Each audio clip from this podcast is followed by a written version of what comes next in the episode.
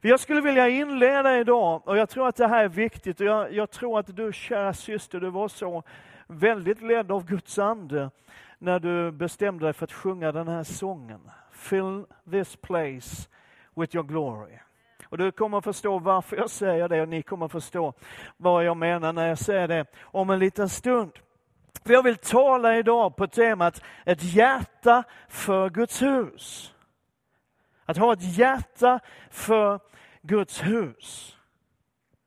Att älska församlingen. Det är inte det här huset vi älskar, det fattar du.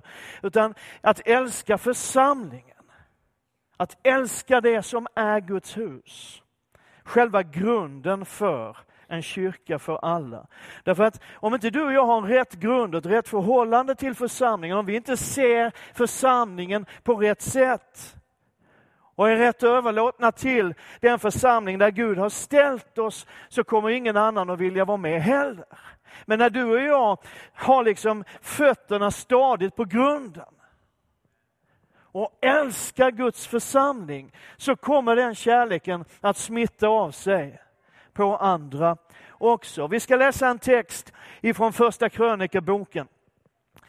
And I'm sorry, I don't think we have interpretation today, but as a service to you all, we have the scriptures in English and some keywords in English. So I hope you will get through the message today if you don't understand southern accent Swedish. Första krönikeboken 22 så står det så här från vers 1. David sa, här ska Herrens hus stå och här altaret för Israels brännoffer. Och David befallde att man skulle samla de främlingar som fanns i Israels land. Han anställde hantverkare som skulle hugga ut stenar för att bygga Guds hus. David skaffade järn i mängd till spikar på dörrarna i portarna och till märlor samt koppar i sån mängd att den inte kunde vägas. Och cederbjälkar i oräkneligt antal. Jag tycker det är så sköna ord här. Ty sidonierna och tyrierna förde cederträd i mängd till David. Han tänkte nämligen, min son Salomo är ung och vek. Och huset som ska byggas åt Herren måste göras mycket stort så att det blir berömt och prisat i alla länder. Jag ska därför göra förberedelser för det. Så gjorde David en stor mängd förberedelser före sin död. Han kallade till sig sin son Salomo och befallde honom att bygga ett hus åt Herren Israels Gud. David sa till sin son Salomo, jag hade själv i sinnet, eller som alla andra översättningar utom den svenska säger, jag hade i hjärtat, jag bar i mitt hjärta en längtan att få bygga ett hus åt Herren min Guds namn. Amen. Så David bar på en längtan i sitt hjärta att få bygga ett hus åt Gud. Och efter den här textverserna som jag läser följer en uppmaning från far till son att bygga det här huset åt Gud. Och det avslutas med någonting som är väldigt väsentligt. David säger till Salomon att se till att det hus som byggs inte byggs bara med huvudet och inte bara med hantverksskicklighet utan att det som byggs är fött i hjärtat. Och han säger till folket, så vänd nu ert hjärta och er själ till att söka Herren, er Gud.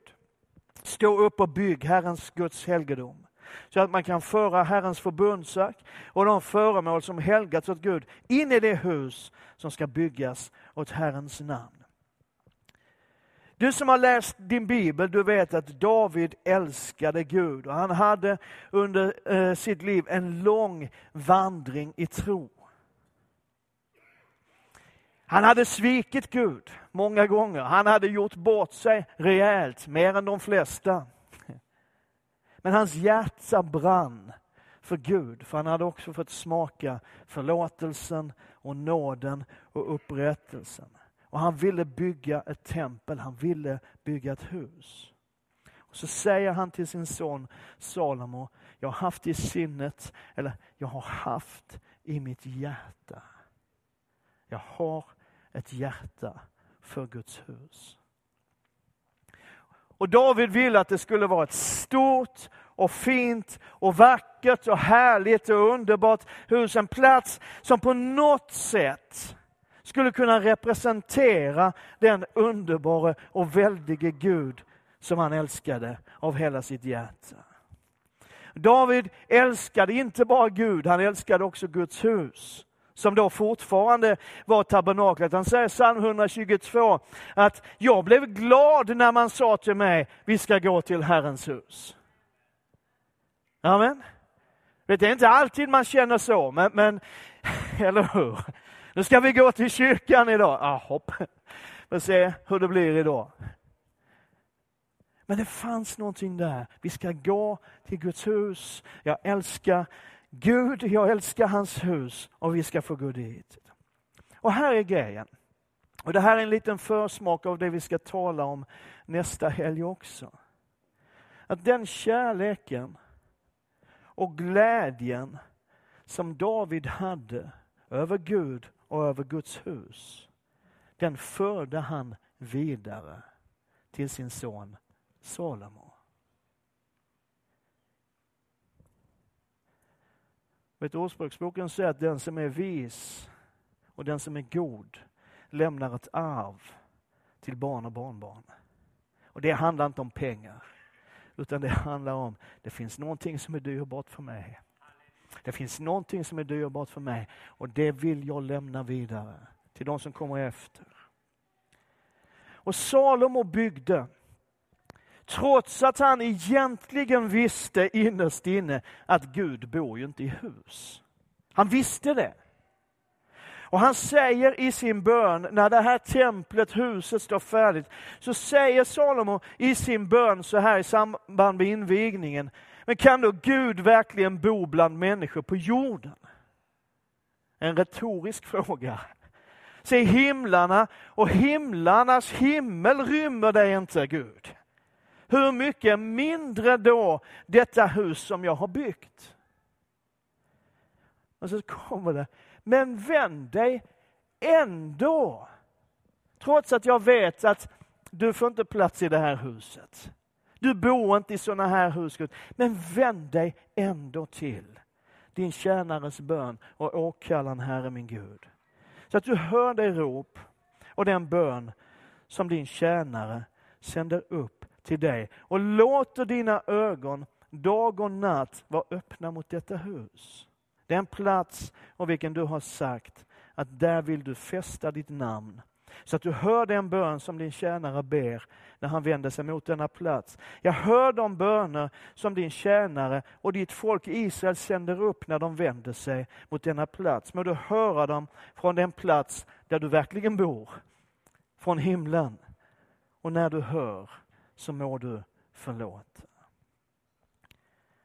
Och du som har läst den här berättelsen, vilket jag vet att många har gjort. Du vet att Gud svarar på Salomos bön. Vet, när templet invigs så uppfylls hela huset av Guds härlighet. Så stark att både folket och prästerna faller ner på sina knän och tillber Gud. Fill this place with your glory. En Guds närvaro som var så mäktig så att ingen ens klarade att stå upp. Och så ger Gud Salomo och folket ett löfte. Han säger, jag har nu utvalt och helgat detta hus för att mitt namn ska vara där till evig tid. Och mina ögon och mitt hjärta ska alltid vara där.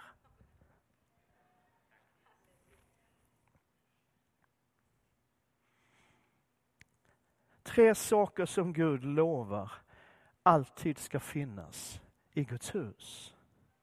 Hans namn, Jag har fäst mitt namn vid denna plats, säger Gud. Hans namn som står för allt vad han är. Allt han har lovat, allt vad Gud står för.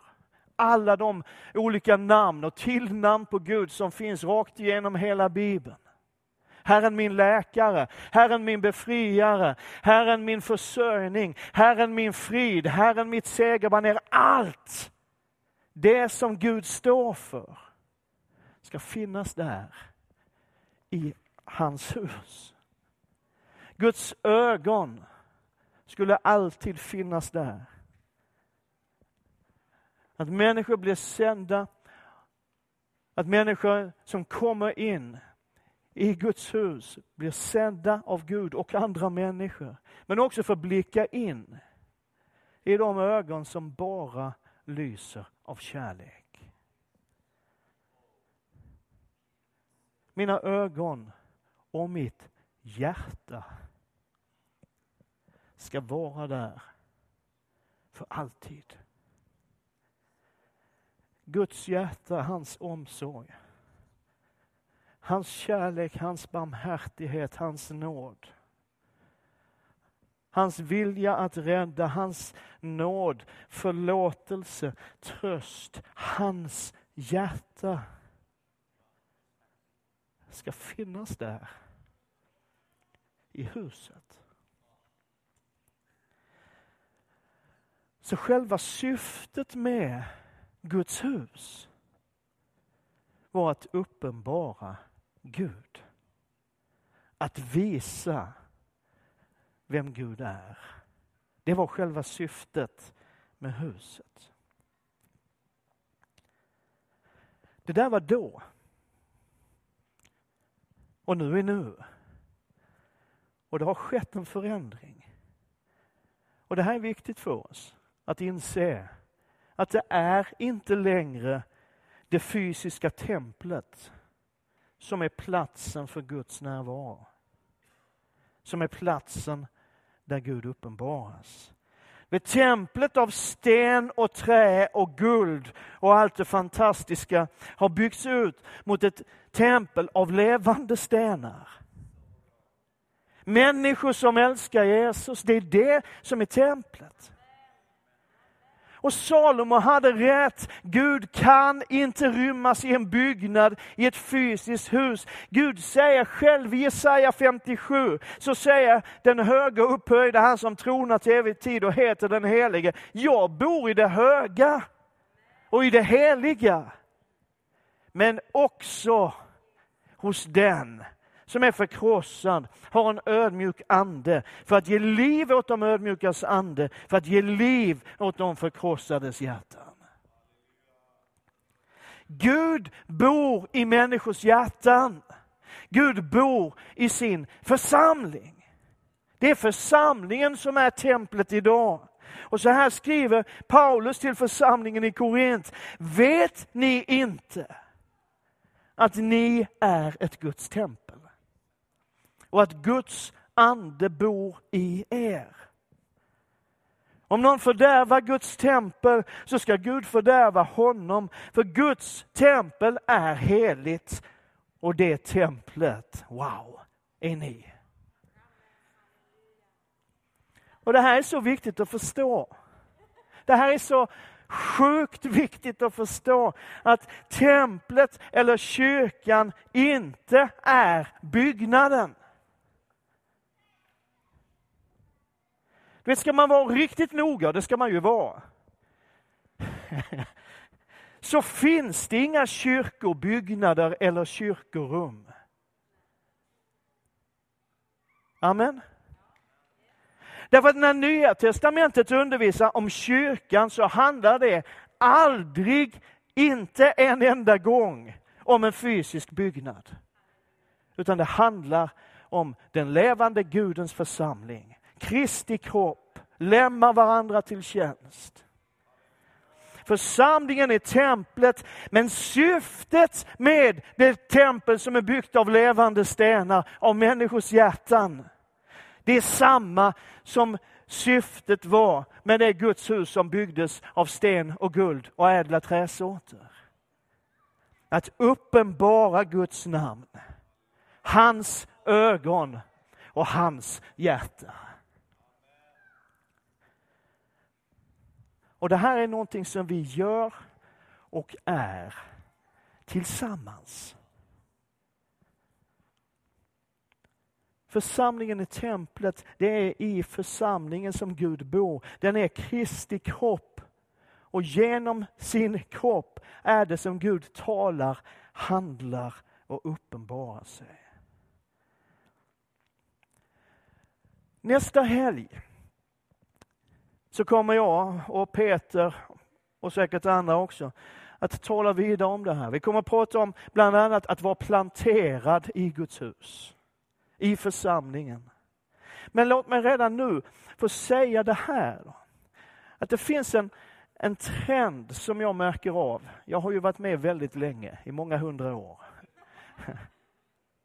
Det finns en trend att vår kristna tro blir mer och mer privat.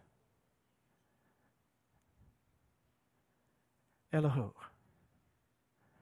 satt tillsammans med mina kollegor när jag jobbade i Lund och vi samtalade om församlingar. Jag sneglade på min kollega Lukas anteckningsblock. han hade skrivit med stora bokstäver, död åt privatkristendomen. Men det finns en trend att vår kristna tro blir mer och mer privat. Det här är min grej, det här är min sak. Och Det händer ibland att jag får frågor från, från, faktiskt från människor som har varit med ganska länge. Måste man liksom vara med hela tiden? Måste man vara aktiv? Man får vara det, bra.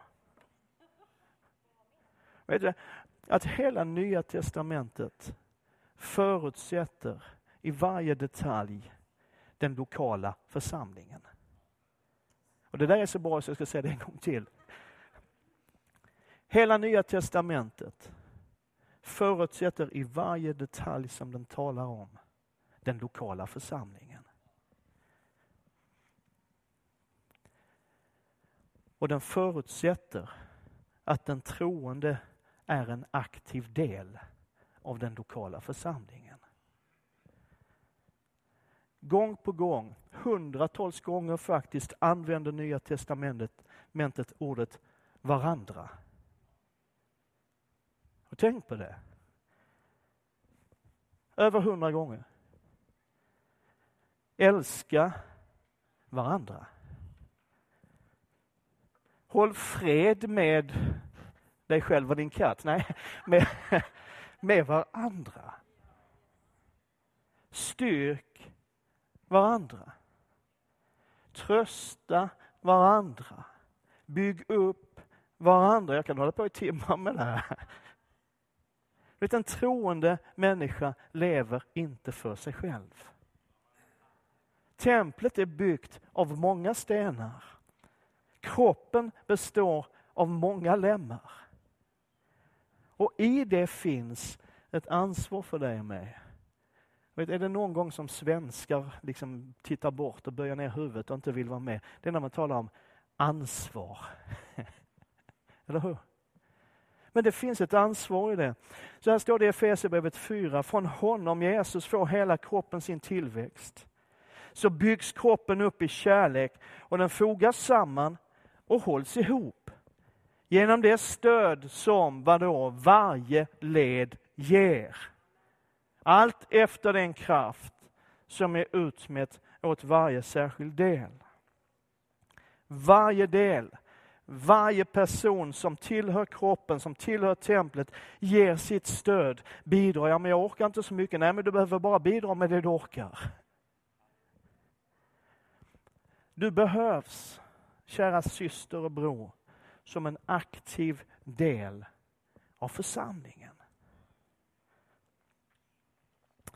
John Piper som är en framstående teolog och författare och förkunnare som jag gärna lyssnar på och läser. Han listar sju punkter som han menar, det här är minimikraven för vad som kan kallas en församling. Liksom när grupper av människor träffas, man kan träffas på olika sätt, men det finns, han listar sju saker, det här är minimum för vad som går att kalla för en församling. Det är att den består av troende, det är ju bra, eller hur? Att dopet förkunnas och praktiseras, att man har regelbundna sammankomster, att det finns tid för tillbedjan, att man har utläggning eller förmaning från Guds ord, att man firar nattvard och att man har ett av Gud kallat och församlingen bekräftat ledarskap. Det är minimikraven. Och grejen är vet du, att de här kraven uppfylls i stort sett i alla fall av varenda kyrka i hela världen. Utom möjligen punkt sju, men, men eh, någorlunda. Eller hur? Och då ställde John Piper frågan, och jag ställer den till oss och mig själv också. Men varför ska vi nöja oss med det som är minimum? Varför ska vi vara nöjda med att ha regelbundna sammankomster, ha dop och nattvard och ordets förkunnelse och ett ledarskap och så vidare? Varför ska vi nöja oss med det som är minimum? För ibland så tänker jag på och drömmer om och ber om och fantiserar om och, och allt det församlingen skulle kunna vara. Det den skulle kunna betyda. Och det den skulle kunna utföra. Och vet, jag tror att det är dags för oss som kristna. Jag tror det är dags för dig och mig som tillhör den här församlingen, ena kyrkan. Att börja drömma stort om församlingen. Att tänka större och längre och högre. Så att vi ser bilden och visionen av det som Gud har tänkt med sin församling. I Efesierbrevet, som vi faktiskt ska studera tillsammans i november var det va? Oktober, förlåt, i oktober. Så talar Paulus om allt vad vi har i och med och genom och tillsammans med Jesus. Det är makalöst. Jag är så sugen på att få börja predika Efesierbrevet i oktober. Eh, men när, när han har sagt det där och liksom beskrivit allt vad vi har. Du vet Paulus tar ju i, han tar ju ifrån tårna när han ska beskriva liksom hur väldig, hur översvinnligt rik på härlighet hans arv är bland det heliga. 1917 års översättning, den enda sanna. Men Sen skriver Paulus, när han har liksom målat upp allt det vi har i Jesus Kristus och med honom och genom honom. Så säger han så här, Därför ber jag för er. Och jag ber så att ni ska förstå. Paulus använder exakt de orden. Jag ber så att ni ska förstå. Förstå vad vi har i Kristus. Förstå vad han har kallat oss till. Förstå hans makt och härlighet. Förstå bredden och längden och höjden och djupet av hans kärlek. För att ni ska förstå hur väldig hans makt är i oss som tror. Och förstå att han som har kallat oss förmår att göra långt mer än vad vi kan bedja eller tänka. Och ibland så frågar jag mig själv, varför nöjer jag mig så lätt med minimum? När det finns så oändligt mycket mer att upptäcka av Guds kraft, av hans nåd och av hans kärlek. Och ibland är jag rädd. Och nu talar jag mest till mig själv, så du behöver inte ta illa upp. Jag talar till mig nu, okej? Okay? Och lite till dig. Jag, jag är rädd att vi som Guds folk har blivit en liten aning bekväma. Eller hur? Jag menar, vi, vi, vi har den här bilden av oss själva. Vi tycker som så här är jag. Men sanningen är att vi har blivit ganska bekväma, åtminstone jag. Och jag, har, jag har inte varit i Enköping tillräckligt länge för att veta att det är så här. Men det är min upplevelse från i stort sett alla kyrkor som jag har varit i kontakt med under åren, och det är många år och det är många kyrkor. Och det här stämmer i alla fall på mig själv. Jag har blivit ganska bekväm. Vet när jag jämför med hur det var när jag var ung och nyfrälst. Precis mött Jesus, blivit frälst, förvandlad, fått mina synder förlåtna. Man var ju galen. Alltså var det någonting i kyrkan så var man där. Det spelar liksom ingen roll, behövdes det någon som städade eller snickrade? Jag kan knappt snickra, men behövdes det så var man där. Man, var det bönemöte i kyrkan, då var man där. Skulle vi ut på stan och evangelisera, då var man där. Jag vet inte hur många hundratals gånger jag har släpat på ett gammalt slitet sketet Fender Rhodes ut på torget och ställt upp det där och så sjöng vi för de stackars människorna som gick förbi. Det kanske inte alltid var jättevist och jättebra och jättesmart, men det fanns någonting i våra hjärtan. brann i våra hjärtan.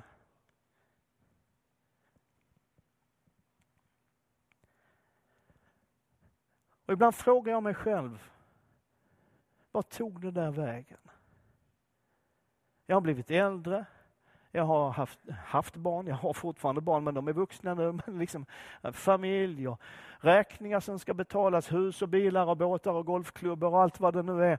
Som liksom allt, alltihop det här med, ibland så, så frågar jag mig själv, var finns passionen Hultberg? De flesta kyrkor som jag har haft kontakt med genom åren, och, och speciellt de sista 15 åren, har svårt att hitta ledare. Speciellt när det handlar om söndagsskola och barnverksamhet. Är det okej okay nu? För nu, nu, nu blir det skarpt. Är det okej? Okay? Är det någon som inte pallar så... Ja, då gör jag det. Eilert tar ansvaret. Det är svårt att få folk att ställa upp i värdgrupper och städgrupper och det är svårt, och det här är kanske det mest allvarliga, det är svårt att samla Guds folk till bön. Hur många här inne tror att bön förändrar? Varenda kotte. Bra. Hur många tror att gemensam bön är viktig? Gött, allihop. Vi är 336 medlemmar i ena kyrkan. Nu talar jag till oss och nu talar jag till dig. Och ja, jag är ute efter att skapa dåligt samvete. Nej, det är jag inte.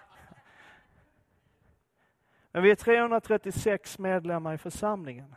Och alla vi som är här idag tror att bön förändrar och vi tror på gemensam bön. Det har vi precis vittnat om. Men när vi samlas till bön så är vi tio. Eller tolv. De gånger jag har varit med. Jag saying.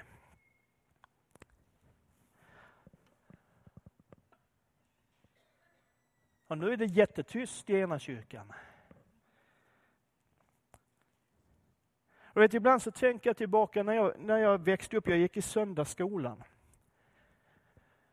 Och jag är kolossalt tacksam för att jag gick i söndagsskolan. Även om jag spårade ur i tonåren så är jag ändå extremt tacksam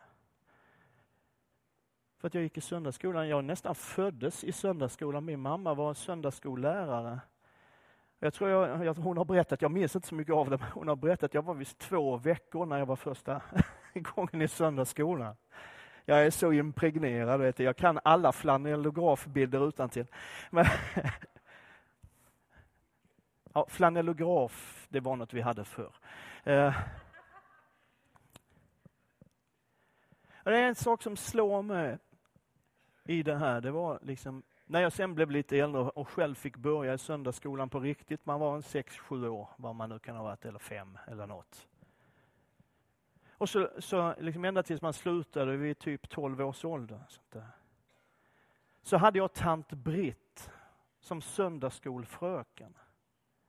Och den här bilden är säkert, stämmer säkert inte alldeles in i allra minsta detalj. Det var säkert så att tant Britt var ledig någon gång, bortrest någon gång, kanske till och med sjuk någon gång. Men min minnesbild är att under de här åren, från jag var fem, sex, sju år gammal till jag var tolv, så var det tant Britt som jag mötte i söndagsskolan varje söndag.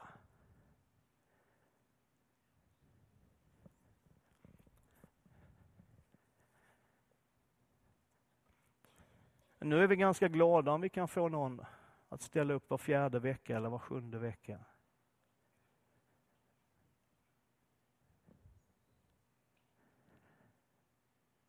Och jag menar inte att alla måste vara som tant Britt. Hon var ogift, hade inga barn, hon, hon hade tid.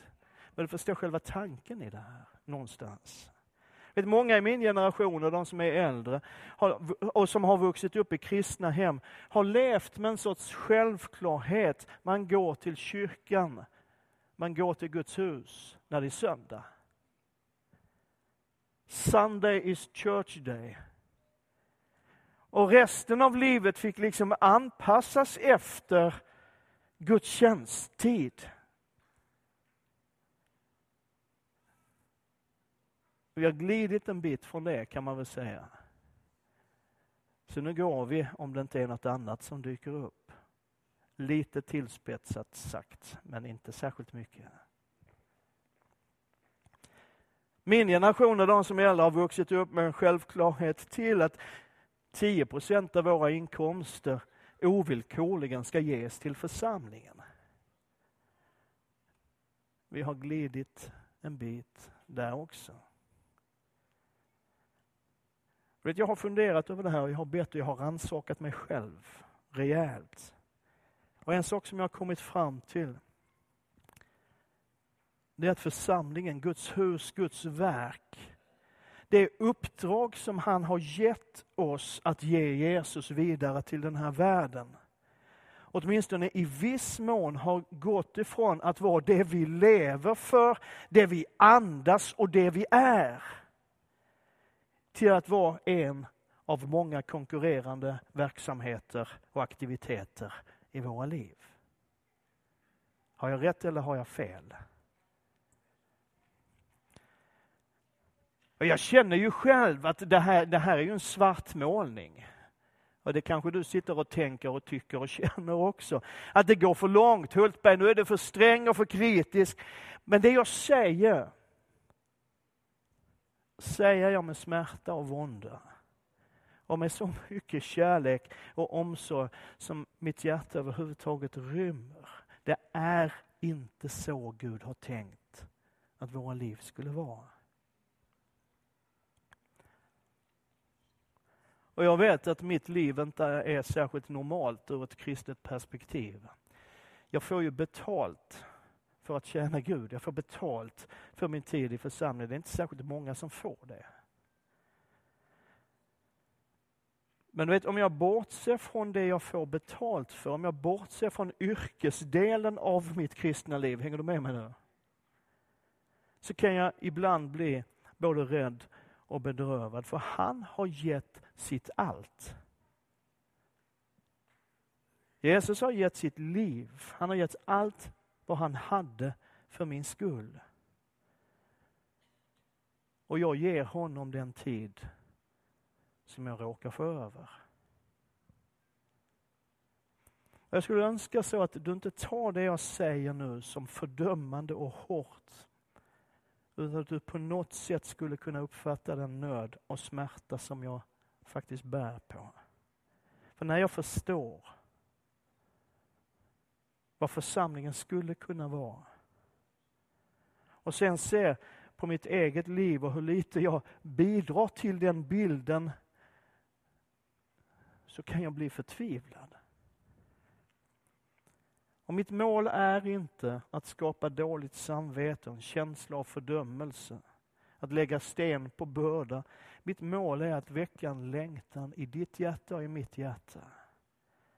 Att vi som församling fullt ut skulle kunna få vara en sån plats där människor får möta Guds namn, den han är. Se in i Guds ögon och känna pulsen i hans hjärta. Och det är inte i första hand verksamhet jag talar om nu, jag talar om liv. Att vara aktiv i församlingen, att bidra till att kroppen växer och hålls samman, handlar inte ytterst sett om en massa olika uppgifter som man ska ställa upp i, eller att vara med i en verksamhet på olika sätt, utan vi kallar det till ett liv i gemenskap med Jesus och med varandra. Och vi kallar det att finnas bland människorna och visa på Jesus.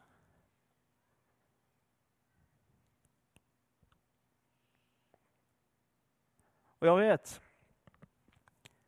att lika svårt som det var för David och Salomo att innerst inne tro att Gud verkligen skulle flytta in i templet.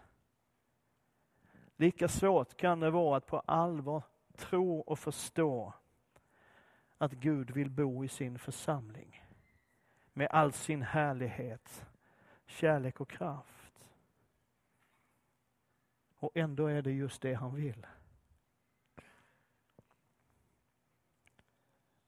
David sa till sin son Salomo, jag har haft i mitt hjärta att bygga ett hus som uppenbarar vem Gud är.